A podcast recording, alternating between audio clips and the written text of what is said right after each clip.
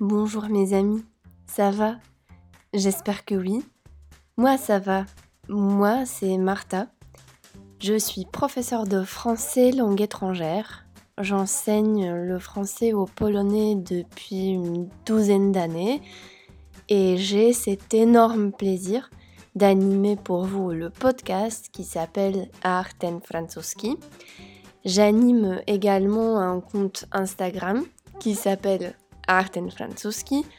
Pourquoi?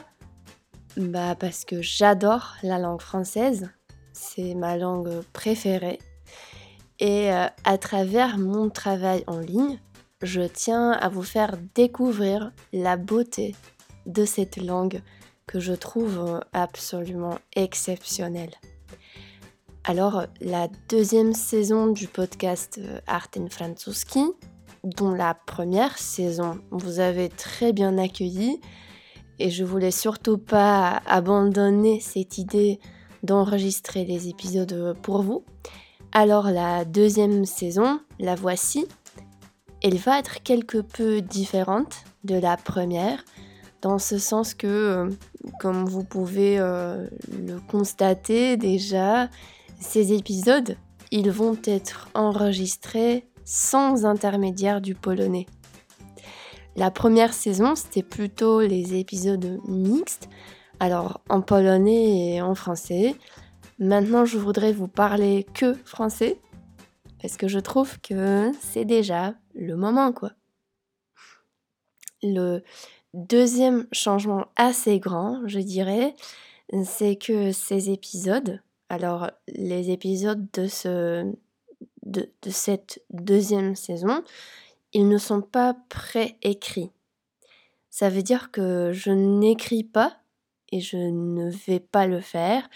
Je n'écris pas l'épisode avant d'enregistrer. Me voilà assise euh, dans mon fauteuil, parler à mon micro, et je tiens à vous le dire parce que je trouve que ça va être pour vous aussi une occasion pour enrichir votre compréhension orale, pour la pratiquer un peu, parce que les mots et les phrases vont être beaucoup plus spontanés. Ça veut dire que ça sort directement de moi et j'espère pouvoir vous faire transmettre mon savoir, un peu de vocabulaire, des expressions et tout ça au plus naturel possible. Ça vous dit? J'espère que oui. Et euh, ne vous inquiétez surtout pas si vous n'arrivez pas à tout comprendre, parce que une fois que vous vous inscrivez à ma newsletter qui s'appelle Baguetter et que j'ai euh, l'énorme plaisir de vous envoyer chaque mercredi matin, alors euh, une fois que vous êtes inscrit et inscrite, vous obtenez un mot de passe secret qui vous sert à accéder à la base de ressources que j'ai préparées pour vous, y compris les transcriptions de ce podcast. Hum, du coup, et ça je vous le dis tout de suite, je vous préviens, ça va être un podcast euh, beaucoup plus spontané et beaucoup moins préparé. J'ai pas trop le temps, à vrai dire, de préparer tout ça comme je le préparais à l'occasion de cette euh, première saison mais j'ai pensé qu'on n'allait pas on va pas se plaindre par rapport à ça. Je vais pas le faire, je vais pas me plaindre. Je vais surtout saisir l'occasion qui arrive. Alors une occasion de vous parler de cette manière beaucoup plus spontanée. Et pourquoi toujours le podcast? Moi, je trouve la formule du podcast la mieux adaptée à mes besoins, mais aussi moi, perso, j'adore écouter.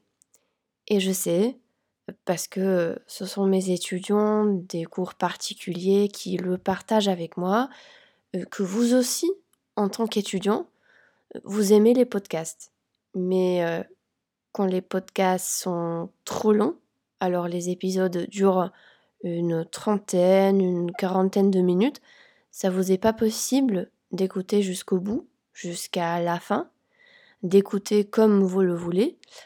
Alors du coup, mes podcasts, ils vont être une tentative d'y remédier de remédier à ce problème.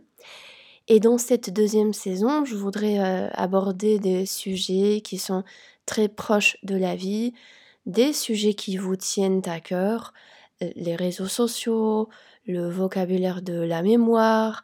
Alors, comment dire en français euh, pamiętać, zapominać, przypomnieć sobie, etc. Et après, je sais que ce sont des expressions qui s'oublient très facilement. On va aussi parler du recyclage, on va parler des hôtels, du tourisme un tout petit peu, euh, parce que je voudrais que vous ayez cette possibilité d'écouter un épisode qui est relativement court mais assez intense. Et euh, ce podcast euh, se veut une telle proposition. D'ailleurs, si vous avez un sujet qui vous est important et que je pourrais aborder, n'hésitez surtout pas à me glisser un petit mot dans ma boîte email, mais aussi dans ma boîte euh, Instagram comme vous voulez. Euh, de cette façon, je vais pouvoir proposer ce qui vous intéresse le plus. Et euh, je tiens aussi à préciser que la première saison, elle ne disparaît surtout pas.